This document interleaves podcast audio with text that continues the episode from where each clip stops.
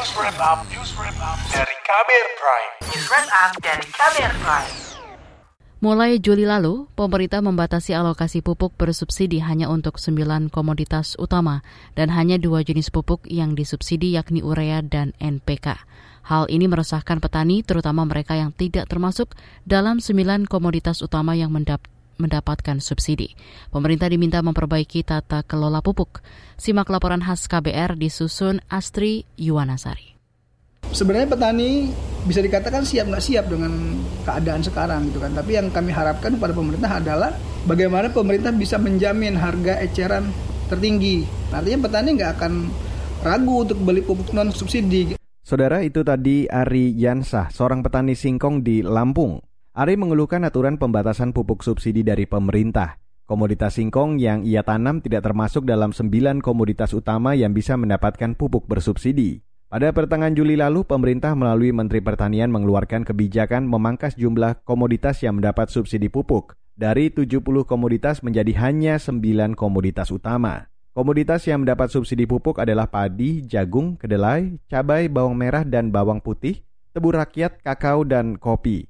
Sedangkan jenis pupuk yang disubsidi dari tujuh jenis dikurangi menjadi dua jenis yaitu urea dan NPK. Kebijakan ini menuai kritik dari DPR. Anggota Komisi Pertanian DPR RI, Andi Akmal Pasludin mendesak pemerintah mengevaluasi kebijakan itu.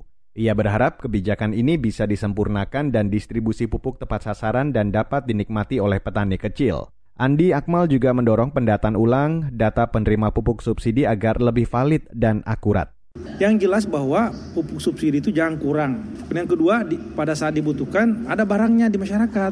Kritik juga datang dari Serikat Petani Indonesia atau SPI. Ketua SPI Henry Saragi mengatakan, kebijakan pupuk subsidi ini harus disertai dengan edukasi kepada petani. Menurutnya, pemberian pupuk kimia sintesis seperti urea dan NPK tanpa diimbangi dengan pemberian pupuk organik tidak akan bisa meningkatkan produktivitas lahan. Henry juga menyebut pembatasan 9 komoditas yang bisa menerima pupuk subsidi juga kurang tepat, sebab komoditas lainnya juga membutuhkan. Pertama, eh, kita harus dudukkan bahwasanya pemberian pupuk kepada petani ini berupa pupuk sintetis ini haruslah disertai dengan pendidikan kepada petani bahwasanya pupuk sintetis ini tidaklah merupakan sebagai satu satunya pupuk bahwasanya sesungguhnya pupuk yang eh, bukan sintetis seperti kompos itu sebenarnya adalah yang sangat penting.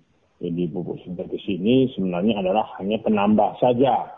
Jadi kekeliruan selama ini yang sudah terjadi di mana petani sangat tergantung dan terlampau banyak menggunakan pupuk sintetis harus dikoreksi. Itu yang uh, menurut kita yang sangat penting. Dan yang kedua, harusnya tidak hanya sembilan komoditas, tapi uh, lebih dari itu kan gitu. Karena sesungguhnya banyak komunitas-komunitas lain yang perlu kan gitu. Persoalan distribusi pupuk juga menjadi sorotan oleh akademisi.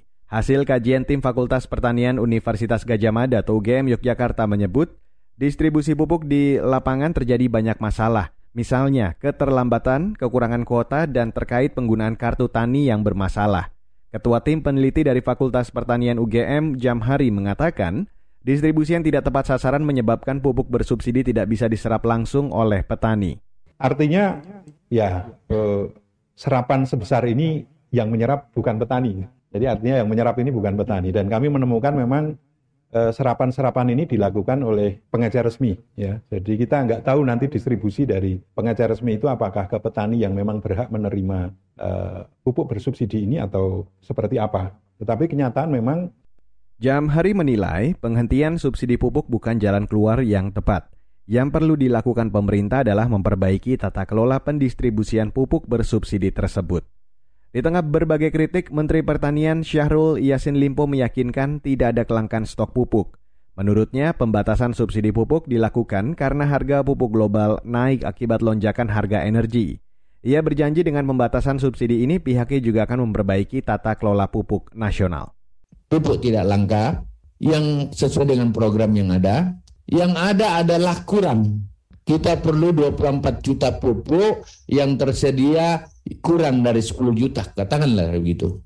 Kalau begitu, Kalau kurang, tentu prioritasnya harus hadir gitu Pak Sekjennya. Yang harus dapat adalah sesuai SOP, sesuai aturan-aturan yang ada, dan tata kelolanya yang harus diperbaiki. Tata kelolanya itu jangan lagi ada yang curang, ada yang nyelewengkan pupuk. Kalau ada yang begini PPL lapor, saya suruh tangkap. Udah kurang, ada lagi yang main-main, tangkap itu. Saudara laporan ini disusun Astri Yuwanasari, saya Reski Mesanto. Kamu baru saja mendengarkan news wrap up dari Kabel Prime. Dengarkan terus kabelprime.id, podcast for curious mind.